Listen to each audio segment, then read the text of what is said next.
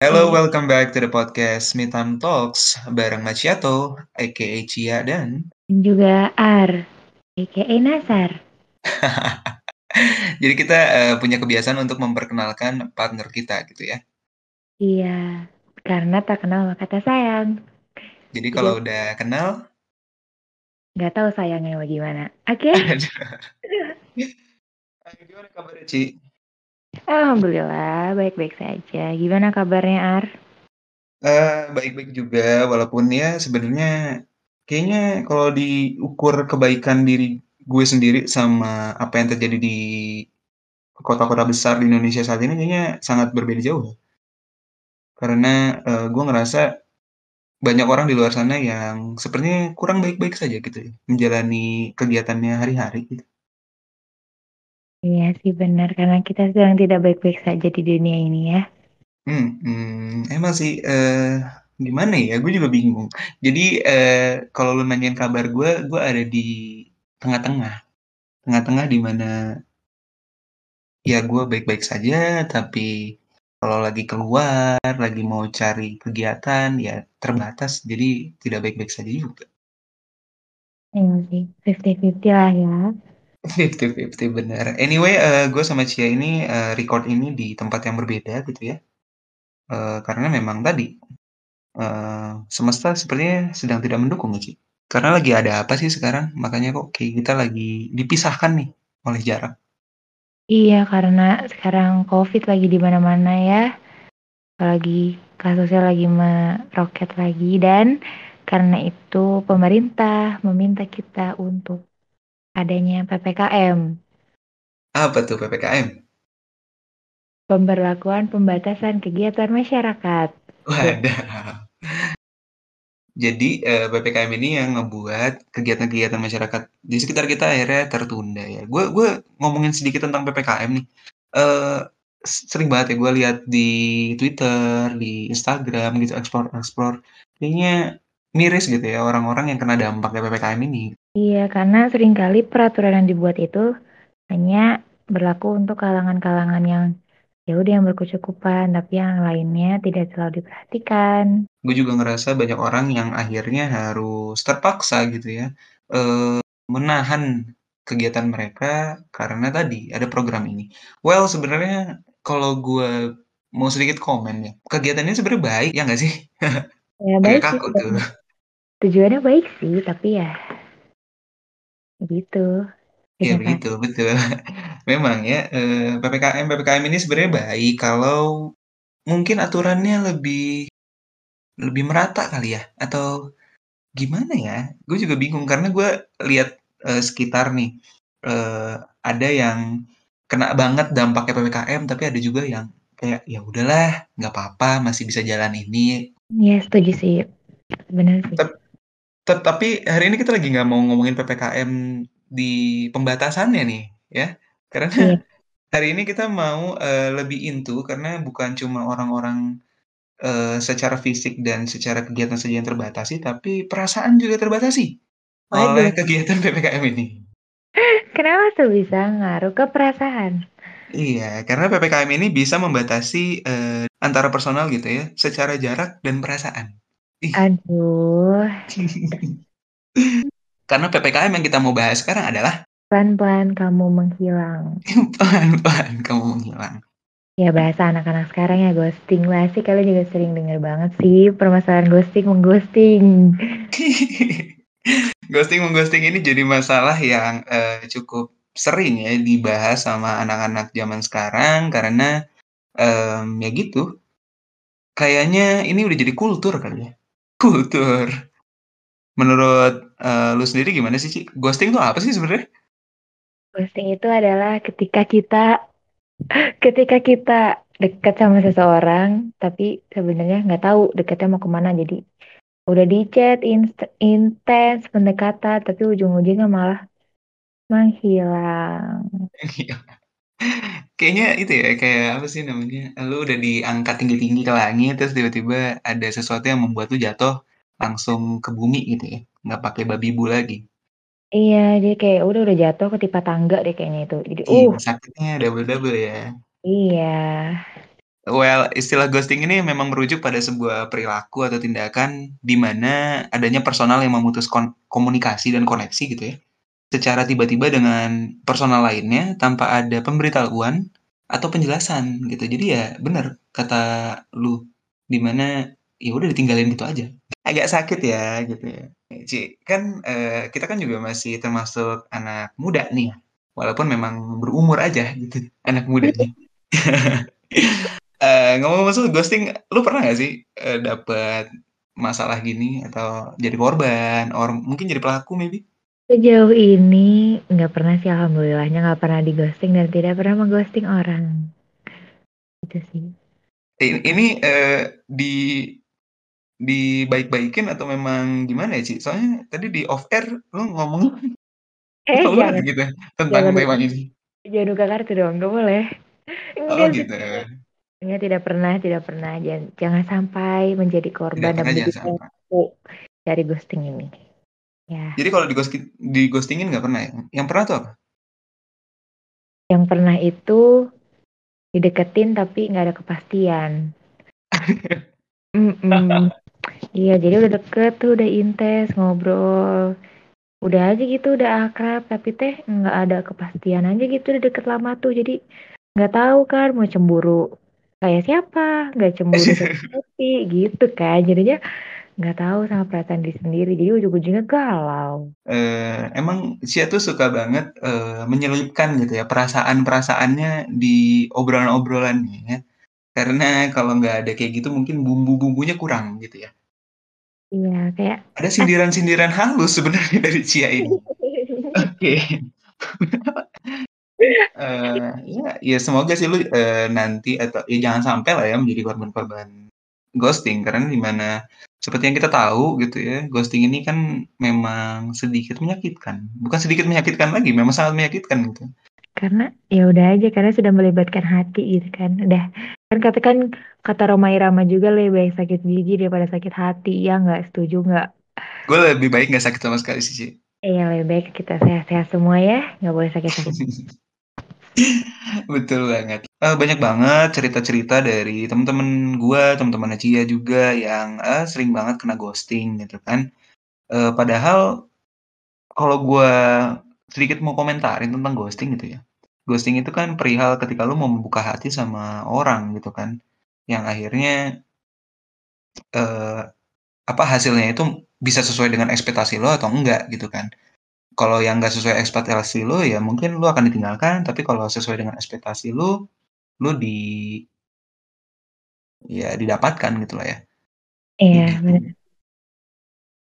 Nah, eee, ada ada juga beberapa, eee, orang yang nanya gitu, terus menurut lu bedanya ghosting sama silent treatment tuh apa sih gitu kan? Mmm. Nah, kalau di sini kan gue sempet research dulu bla bla bla. Nah, kalau ghosting itu kan memang benar-benar elu ya sebenarnya silent treatment dan ghosting itu sama gitu ya, di mana, eee, lu memutus komunikasi secara tiba-tiba tanpa alasan yang jelas gitu sama personal lainnya. Tapi kalau untuk silent treatment ini lebih ke metode di mana lu akan memberikan hukuman secara psikologis untuk mengabaikan orang. Jadi kalau elu tiba-tiba diabaikan sama temen lu itu bukan ghosting, tapi memang lu sedang kena silent treatment gitu. Jadi Gitu. hampir mirip lah ya. Iya, mirip-mirip, tapi ya mungkin banyak yang masih bingung gitu ya mungkin, tentang ghosting dan, eee, silent treatment gitu. Ada yang bilang, "Aduh kok gue tiba-tiba di gue lagi intens nih chatan tuh tiba-tiba kok di ditinggalin ya atau gimana?" Nah, ada 2 kemungkinan, lu memang benar-benar di-ghosting atau memang lu sedang kena silent treatment aja nih gitu. Mungkin karena lu nya, eee, menyebalkan atau gimana kan bisa aja. Tapi kan setidaknya ketika menjalin hubungan dengan orang lain itu tidak tidak menghindar gitu ya, diberi kejelasan gitu, ngomong, komunikasi karena kunci dari berkomunikasi kunci dari berhubungan dengan orang lain adalah komunikasi. Mmm, kayaknya Cia itu mewakili perasaan para wanita ya, sedangkan gue jadi peran antagonis ya kayak ini sih. Iya, para wanita berarti setuju dengan pendapat saya. Ya memang banyak sekali masalah-masalah yang kayak gitu. Eee, lu nggak mau nanya gua gitu, Ci? Gue pernah kena atau enggak? Nah, pernah kena atau pernah menjadi pelaku ghosting nih?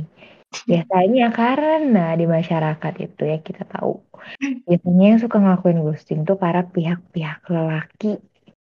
Coba tolong Pihak-pihak lelaki. coba tolong dijelaskan dari sudut pandang Anda sebagai seorang lelaki. Oke nih, eee, dari sudut pandang gue sebagai gue cowok gitu ya, gue mau mempertahankan, eee, identitas gue sebagai pria gitu kan. Hmm. Sebagai pria sejati yang, eee, mungkin akan memat mematahkan gitu, eee, pendapat bahwa lebih banyak pria yang melakukan, eee, ghosting gitu ya. Kenapa Karena tuh? gue pikir ghosting ini bukan soal gender saja gitu, tapi memang ya kebiasaan orang aja gitu. Jadi lu tidak bisa memusatkannya pada pria ataupun wanita. Eh, ya pada pria khususnya gitu. Well, kalau gue, ya gimana ya, gue kayaknya akan selalu jadi peran antagonis di sini ya. Sekalipun gue ngomong yang sebenar-benarnya pasti akan di-treat kayak, "Oh nggak mungkin lu, pasti lu suka kan nge-ghosting bla bla bla bla bla," gitu.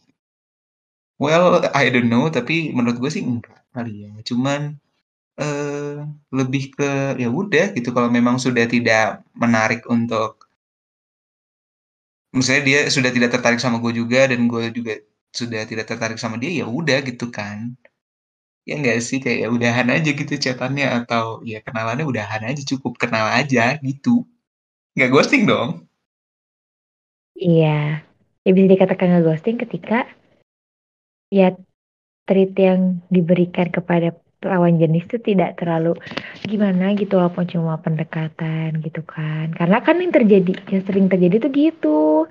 Nge-treat-nya tuh udah baik banget ya kayak oh mengira jadi wanita tuh mengira oh kayaknya dia tertarik nih sama gue gitu kan.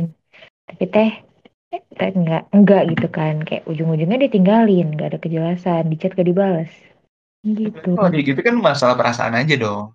Bahwa, eee, apa sih namanya, karena mungkin kamunya terlalu baper, padahal mungkin si lawan jenis kamu atau partner kamu atau orang yang lagi deketin kamu itu memang baik ke semua orang gitu loh. Iya, bisa jadi kayak gitu, entah entah terlalu friendly atau gimana gitu kan berarti. Jadi ini masalah perasaan aja.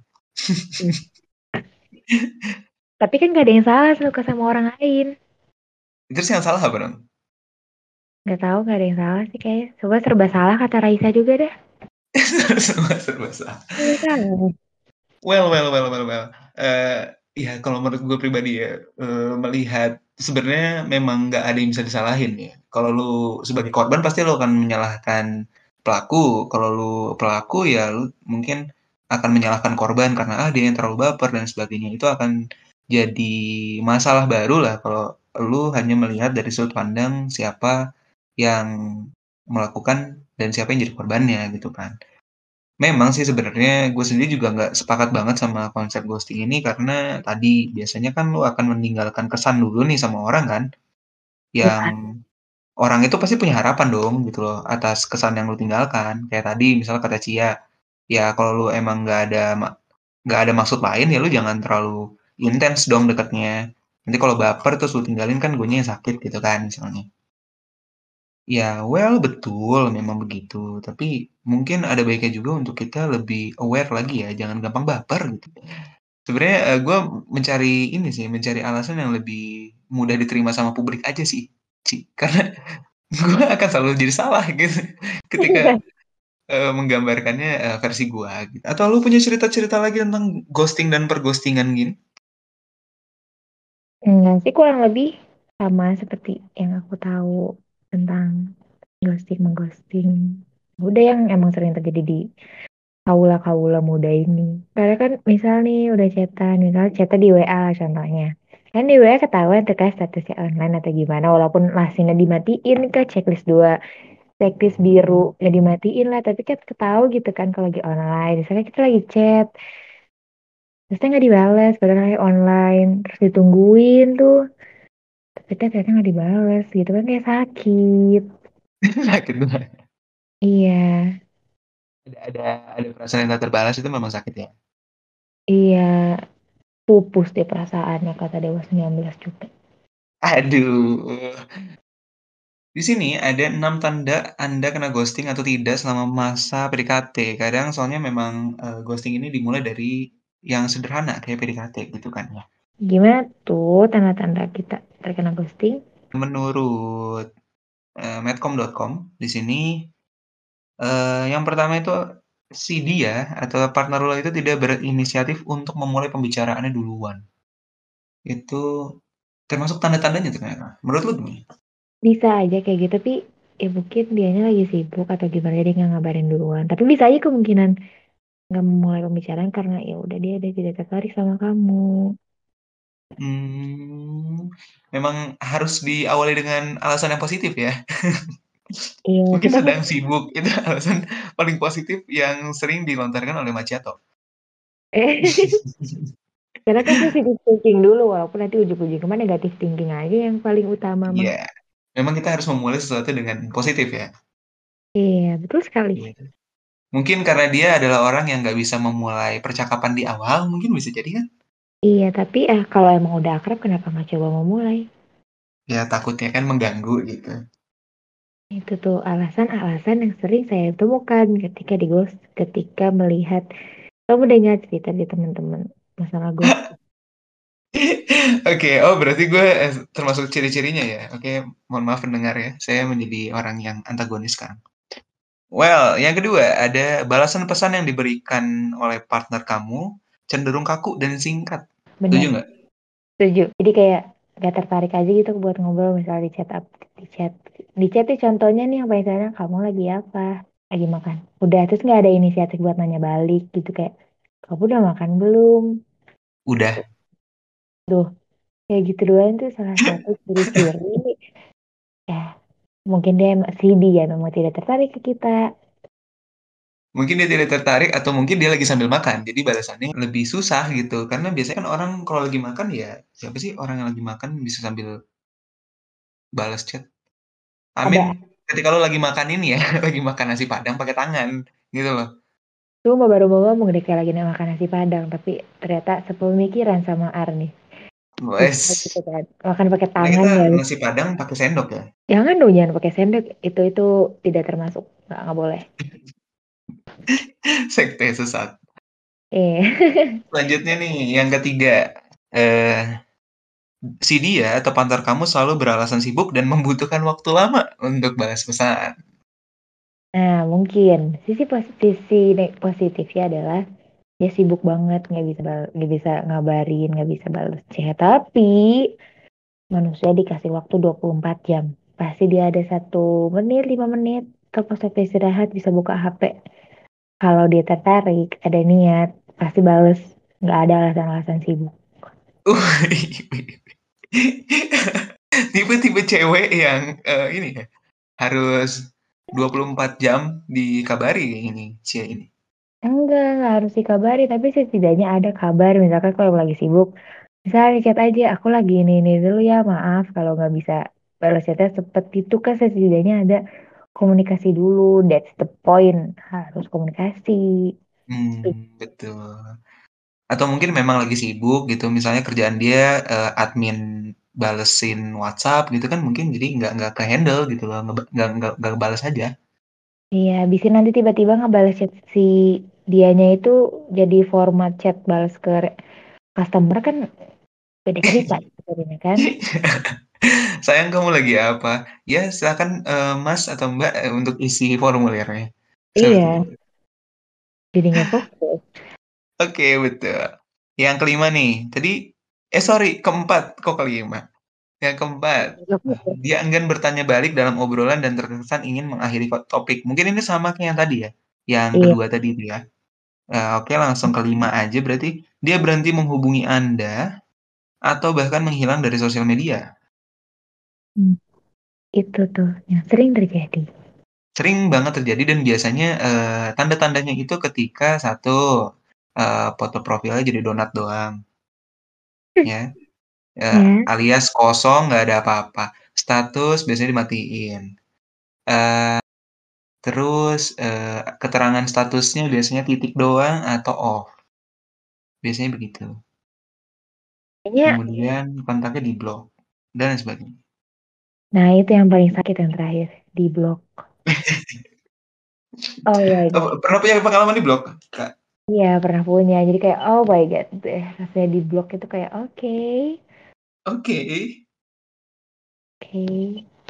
Tunggu Gimana gimana? Cerita dikit dong, eee, gimana tuh pengalamannya tuh gimana?